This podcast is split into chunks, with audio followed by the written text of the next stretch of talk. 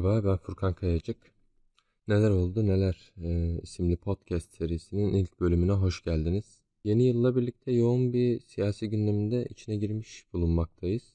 E, peş peşe açıklanan zamlar, 2021 yılı için açıklanan enflasyon rakamı, Cumhur İttifakı ve Millet İttifakı arasındaki bazı polemikler ki devam eden polemikler genel olarak ekonomik ve siyasi gündem olarak iki başlıkta, iki üst başlıkta toparlayabiliriz gündemi. Ama öncesinde siz bunu ne zaman dinlersiniz bilmiyorum ancak bugün 8 Ocak Cumartesi gazeteci, basın emekçisi Metin Göktepe'nin katledilişinin yıl dönümü. Saygıyla anıyoruz kendisini. Evet, ekonomiyle başlayalım istiyorum. Ekonomide en önemli noktayı halk nezdinde, yoksulluk sınırında yaşayan insanlar nezdinde zamlar oluşturuyor. 1 Ocak itibarıyla e, adeta bir zam yağmuru başladı. Zam yağmur demek de aslında o da klişeleşmiş bir tabir. Hani günümüzün ihtiyacını karşılamıyor bence. Zam tufanı diyelim bence biz ona tufan. Zam tufanı daha iyi. Bir zam tufanı başladı 1 Ocak itibariyle. İşte birkaç rakam verirsek hemen notlarıma bakıyorum. İşte elektriğe %50 aslında 150 kW üzerine %27 falan diyorlar da totalde yapılan zam pek çoğumuz %127'lik zam oranından yararlanacağız. Yararlanacağız. Zam oranını kullanacağız.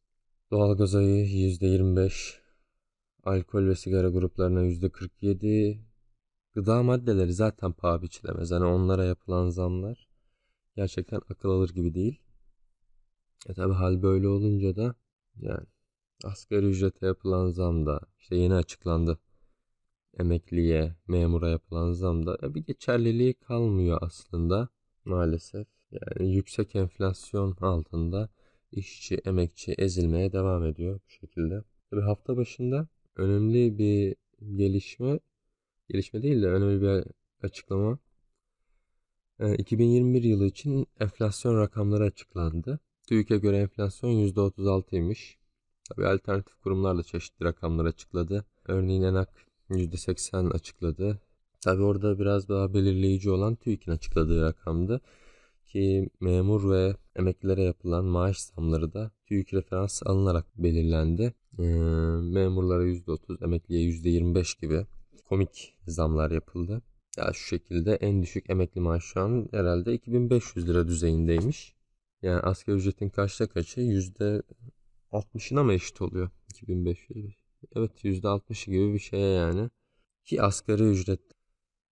Açlık sınırının altında ya bu rakamlar. Yani bugün açlık sınırının altında bu belirlenen rakamlar. Ya diyecek çok şey var da işte. Deriz de zamanı gelince deriz. Tabi bu TÜİK'in açıkladığı, açıkladığı rakamlar da ya bu enflasyon çok farklı parametreleri var belirlenirken. Mesela hani çeşitli kalemlerdeki verileri alıyorlar. Ortalama falan alıyorlarmış. Biraz baktım.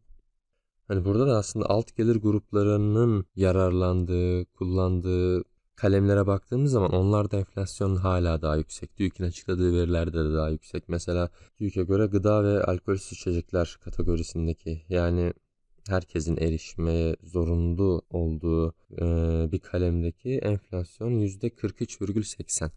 Yani TÜİK %36 açıklıyor ama hani bunu aşağı çeken bazı parametreler var, bazı kalemler var, bazı enflasyon grupları var. Onlar aşağı çekiyor. Yoksa yoksulların dar gelir gruplarının hissettiği enflasyon nedir mesela? Gıda ve alkolsüz içecekler. Ulaştırma. Ulaştırmada da enflasyon %53,66. Yoksul insanlar bunları kullanıyor. Bunların enflasyonunu hissediyor. TÜİK'e göre bunlar da hani e, kendi açıkladığı rakamdan yüksek zaten. İşte birkaç başlık var, birkaç kalem var. Onlar aşağı çekiyor onu. Dün 7 Aralık'ta e, güncel verilere ulaşmak için TÜİK'in sayfasına girdim. Haber bülteninde daha yeni dün açıklandı. TÜİK haber bülteninde Aralık ayı için işte piyasalarda reel getirilere yönelik bir araştırma yapılmış. İşte ne ne kadar getirdi, ne ne kadar kazanç sağladı. Aralık ayı için en çok kazandıran dolar olmuş. %11,67'lik bir kazanç sağlamış yatırımcısına. Komik olan TL mevduatı. Ee, hani reel faizler eksi de eksi faize insanlar biliyorsunuz faiz haram ya eksi faizde tutuluyor. Mevduatın getirisi eksi 10. Bunlar tüfeğiyle indirgenmiş reel getiri rakamları, oranları. Yüzde eksi 10. Süratte var da yani gerek var mı söylemeyi bilmiyorum. Bu işin ekonomik boyutu ve bizi çok fazla, beni çok fazla ilgilendirmeyen bir ekonomik boyutu. Yani yanlış ekonomi politikaları izleniyor. Hoş izlenmesi gereken de bana göre doğru değil. Hani yani liberal ekonomi politikaları ortodoks, heterodoks. Ne o da var şimdi yani. Yola çıktık Çin modeli diye. Arada e, Türk tipi oldu o. Sonra İsrail geldi. Nereden çıktıysa yani nasıl oldu bilmiyoruz. Bir İsrail girdi devreye. Heterodoks e ekonomi politikalarından bahseder olduk şimdi. Aa, arada bir de Nas var. Arada bir de Nas var doğru. Onu unutuyordum. Nas önemli. E, bir de yeni şimdi TL korumalı mevduat falan filan. Böyle bir de uzun uzun isimler koyuyorlar. Ya şunlara kısaca bir isimler taksalar kısaltmalar bulsalar. Yani böyle onu ezberle bunu ezberle. Neydi? TL korumalı yok pardon dolar ko neydi ya? Bak dövize karşı korumalı mıydı? Ya birilerini koruyordu da işte gene. Kimi koruyordu acaba? Zenginleri koruyordu büyük ihtimal. Neyse o sisteme göre yani çok uzattım muhabbeti ne, ne anlatacağımı unuttum. O sisteme göre Şimdi bu aradaki dedim ya TL mevduatı eksi faizle geçen ay kapatmış. Eksi 10'da. Dolar 11. Şimdi bu e, TL mevduatındaki yatırımcının benim anladığım kadarıyla ekonomistlerin değerlendirmelerinden TL mevduatındaki yatırımcının dolar karşısındaki bu kaybını ben ödeyeceğim. Ya da sen ödeyeceksin. Öderiz ya ne yapalım artık yani. Ödeyelim. Onu da biz ödeyelim. Evet bir notlarıma göz gezdiriyorum. Bu ekonomi konusunda değinmediğimiz bir şey var mı diye. Yani pek çok kişi de şimdi evet onu değinmeyi unutuyordum ki önemli bir konu. Bu TÜİK enflasyon rakamlarını açıkladıktan sonra işte muhalefet cephesinden şey geldi. Sanki çok güzel bir açıklamaymış. Sanki çok doğru rakamlar açıklamışlar gibi. Yani onlar da bunu belirterek hani doğru rakamlar değil biliyoruz ama en azından artık onlar bile gizleyemiyor. İşte son 20 yılın en yüksek enflasyon rakamı açıklandı diye. Böyle bir savun şeyleri var. Açıklamalarını bu temel üzerine temellendiriyorlar, inşa ediyorlar. Yani burada herkes 2002 ile AKP'nin başa geldiği dönemle 99'la falan kıyaslıyor. Ya 2002 ile 2000 ile 99'la kıyaslamak çok saçma. Gerçekten çok saçma. Yani AKP'yi oradan vuramazsınız. Vurmamalısınız da neden diyecek olursanız yani e, önümüzdeki seçimlerde 2023'te yapılırsa eğer baskın erken seçim veya bir erken seçim olmazsa ilk kez oy kullanacak 6 milyonun üzerinde e, seçmen var. 2023'ü baz alırsak kaç yaşında 2005'li mi oluyor bu insanlar? Neyle neyi kıyaslıyorsun? Adam görmemiş ki. Hoş bunu bu gruba kendimi de dahil edebilirim. Hani e, biraz biraz kendimi bilmeye başladığım zaman yani varoluşumdan haberdar olmaya başladığım zaman Erdoğan vardı zaten karşımda AKP vardı. Ben bilmiyorum ki öncesini mesela. Bu o ilk kez oy kullanacak 6 milyon kişi bilmiyor ki. Neyle neyi kıyaslıyorsun? Bilmiyor bilmiyor. Biraz araştırıyorsa biraz meraklıysa biliyor neler olduğunu. Kötü bir ekonomik durumdayız. Hükümet hala e, bir ekonomik kriz içerisinde olduğumuzu kabul etmiyor. Böyle bir sıkıntı var. Kapatabiliriz ekonomiyi. Siyasi gündeme geçelim. Ee, geçtiğimiz haftanın başında bence en önemli siyasi gündem maddesi işte Erdoğan'ın açıklaması oldu ve muhalefetin cevabı. Önce bir Erdoğan'ın o açıklamasını dinleyelim hemen. Utanmadan, sıkılmadan sokaklara döküleceklermiş. Meydanlara döküleceklermiş. Ya siz 15 Temmuz'u görmediniz mi? Nereye dökülürseniz dökülün. 15 Temmuz'da o sokağa dökülenlere bu millet nasıl dersini verdiyse siz de dökülün, siz de aynı dersi evelallah alırsınız. Bizler Cumhur İttifakı olarak hepinizi önümüze katarız ve gideceğiniz yere kadar kovalarız. Evet. Cumhurbaşkanını dinlediniz. Yani işte partili cumhurbaşkanlığı olunca böyle oluyor. Hepimizi kovalıyormuş cumhurbaşkanı. İşin e, komik tarafı diyeyim tutarsız tarafı hemen devamında da konuşmanın işte biz 80 milyonu falan kucaklıyoruz mu? Böyle bir siyaset anlayışı varmış AKP'nin. Cumhur İttifakı'nın 80 milyonu kucaklıyormuş. Az önce 10 saniye önce bir dakika olmadı ya kovalıyordu.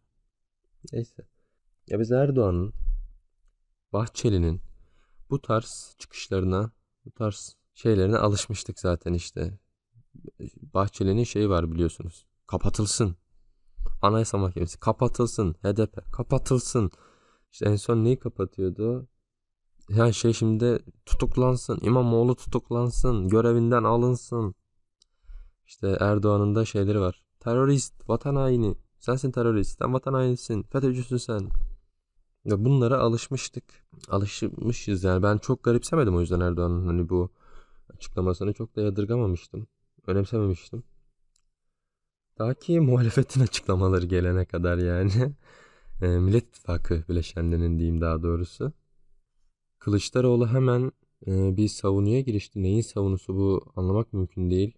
Sokağa çıkmayacağız biz merak etme seni sandıkta e, göndereceğiz. Akşener açıklama yaptı işte Erdoğan'ı psikiyatriye yönlendirdi. Evet halüsinasyon görüyormuş. Bu kadar halktan kopuk bir ittifak nasıl başarıya ulaşacak bilmiyorum gerçekten. Halüsinasyon gören Millet İttifakı. Sizsiniz Akşener halüsinasyon gören. Yani burada halkın öfkesini, halkın ne kadar zor durumda olduğunu görmüyorsunuz. Halk bir an önce yani eğer sandıkta da göndermek istiyorsanız bir an önce sandığı getirin o zaman bir şekilde. Bilmiyorum bu halkın dayanacak gücü kaldığını düşünmüyorum artık ben. Bu yüzden halüsinasyon gören Millet İttifakı 2023'e kadar bu halkın mental olarak ya da e, fizyolojik olarak yani insanlar aç. Fizyolojik olarak da hani dayanabileceğini düşünen, sandığı görebileceğini düşünen bir Millet İttifakı varsa o zaman halüsinasyon gören Millet İttifakı'dır. Ve bu noktada da toplumsal muhalefetin halkın önünde bir engeldir Millet İttifakı. Yani asla sokağa çıkartmayacağız halkı. Biz sizi sandıkta göndereceğiz. Halk isterse sokağa çıkar. Halk isterse hiçbir örgüte, ittifaka gerek duymadan da sokağa çıkar. Yani bugün bakın Kazakistan'da neler oluyor. O bambaşka bir konu. Gerçi biz Türkiye gündemini değerlendiriyoruz. Oraya hiç girmeye gerek yok ama tabii ki örgütlü bir halkın önünde hiçbir şey duramaz ama genel olarak halkın da öfkesini küçümsememek, bireysel olarak, bireyler olarak halkın da öfkesini küçümsememek gerekiyor. CHP neden böyle yaklaşıyor bu konuya? Yani sokağı bu kadar neden marjinalleştiriyor? Ben buraya şöyle bir soru sorma gereği hissediyorum. Hani e, CHP'nin sağa kayışının bir sonu var mı artık? Hani daha ne kadar kayabilir? Sona gelmedik mi? Gelmedik yok bence. CHP biraz daha gider böyle sağa kaymaya. Zaten tarihsel olarak da daha önce yapmadığı şey değil. Hani zaman zaman sola da kaydığı oluyor. İşte de nadiren. Bülent Ecevit zamanında biraz sola kaymışlığı vardır. Onda da hani Ecevit'in tabiriyle ortanın solu. Yani CHP böyle bir parti. Ee, sistemi kuran parti. Hani düzenin, düzenin partisi. Yadırgayamıyorsun ama tabii ki farklı e, parametreleri var. Bu içinde bulunduğumuz bu dönemde saha kayışının. İşte bir kere ülkecek inanılmaz bir saha kayma var toplumda. Ben öyle görüyorum, ben öyle yorumluyorum en azından. E CHP'de sağ tarafında İyi Parti, sol tarafında Saadet Partisi, önünde arkasında Demokrat Parti, Gelecek, Deva Partileri vesaire. Bir kafa kola aldılar orada CHP'yi bence yani. Çıkamıyor da yazık. O da gittikçe sağ, sağcılaşıyor yani. İşte bunu her konuda görüyoruz da. Sokağın bu kadar marjinalleştirilmesi. Ya anayasal bir hak bu ya. Yani sokağa çıkmak önemli bir hak o da yani eylem ve gösteri hakkı. Yani bunu bu kadar marjinalleştirmek, bunu bu kadar olmaması gereken bir şeymiş gibi göstermek olur canım ya halk sokağa çıkar. Halk istediğini protesto eder. Edebilir. Böyle bir hakkı var halkın. Ya bunu yaptı diye de dış güçlerin maşası da olmaz. Terörist de olmaz. AKP'nin ekmeğine yağ da sürmez. Erdoğan'ın eline yağ da sürmez ekmeğine. Yani zaten e, pek çok insan bir kıvılcım bekliyor artık hani. Pek çok artık toplumun büyük bir bölümü AKP'den kurtulmak istiyor. Bir kıvılcım bekliyorlar yani.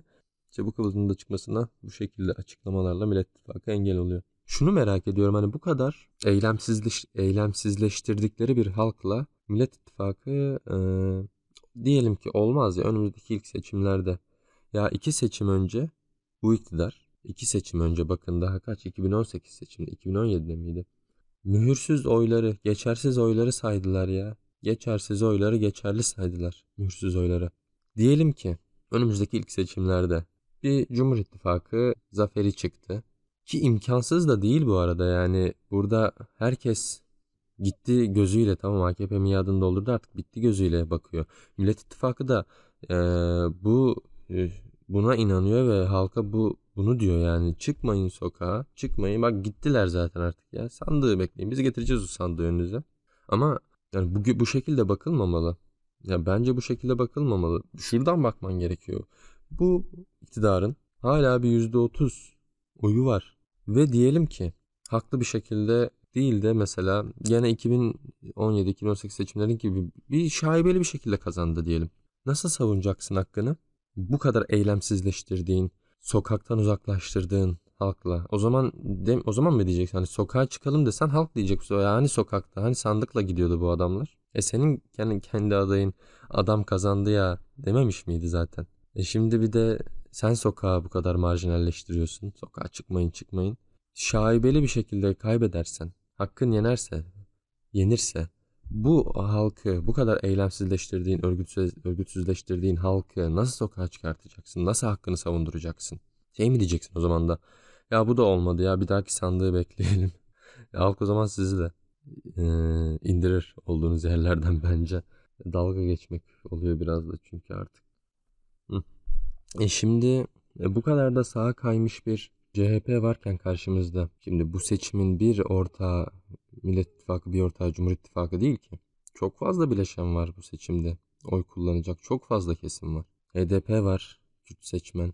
E, sosyalistler, komünistler var. Ki yani baktığımız zaman gerçekten yükselen bir değer olarak, yükselen bir e, politik tavır olarak görüyorum ben. Önemli bir kitleyi oluşturuyorlar. İşte ki üçüncü ittifakı çıkarma durumları söz konusu. Orada da yani özellikle sosyalistler arasında Erkan Baş e, tip genel başkan Erkan Baş diyor. Erdoğan'ın bir dönem daha bu halkın başında kalmasına, bu halkın sömürmesine müsaade etmeyeceğiz. Bunun için ne gerekiyorsa yapacağız. Ama diyor, aması var. Amadan sonrası çok önemli. İkinci bir Ekmelettin İhsanoğlu faciası istemiyoruz diyor. İşte Kemal Okuyan da benzer şeyler söylüyor. Hani o da yine yani Erdoğan'ın bir dönem daha kalmasını sağlayacak bir şey yapmayacaklar ama aması var bu cümlelerin. Kürt seçmen de eminim bu şekilde bakıyor olaya. Ya bu kadar sağcılaşmış bir e, CHP'den de içinde bulunduğu Millet İttifakı'ndaki ya ana muhalefet ya başı çekmesini beklersin ama yok yani CHP sürükleniyor. CHP'nin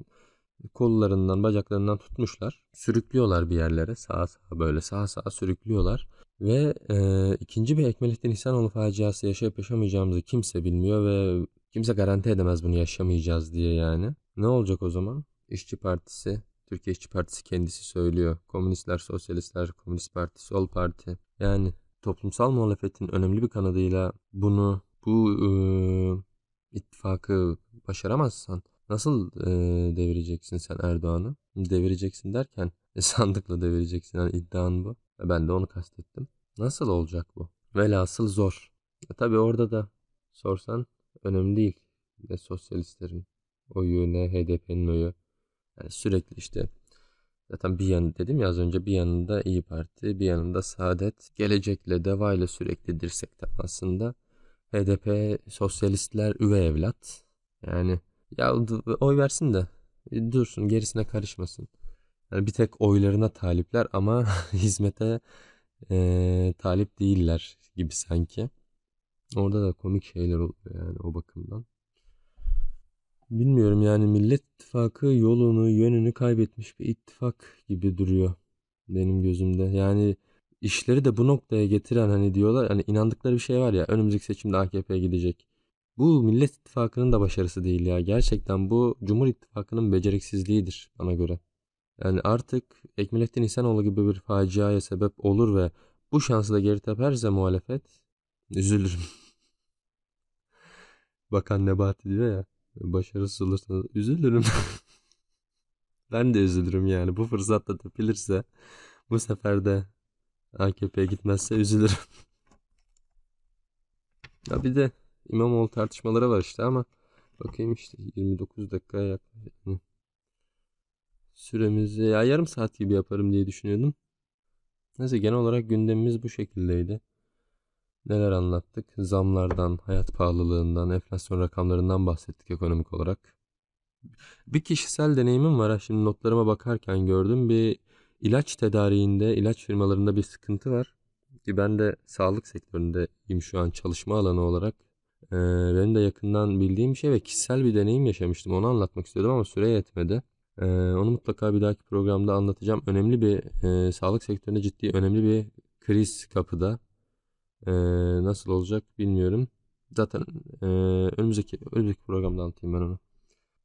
Bu haftalık bu kadar. Yeni yılın ilk haftasının siyasi gündemini, Türkiye siyasi gündemini anlatmaya çalıştım. Umarım hoşunuza gitmiştir. Siz de eee, büyük ihtimal beni tanıyan kişilersinizdir. Dinliyorsanız da buraya kadar geldiyseniz pek sanmıyorum buraya kadar geleceğinizi de. Eee, bana geri bildirimlerinizi gönderirseniz mutlu olurum. İşte şunu da konuşsaydın ya da şöyle yap böyle yap gibi. Sevinirim yani. Haftaya görüşmek üzere.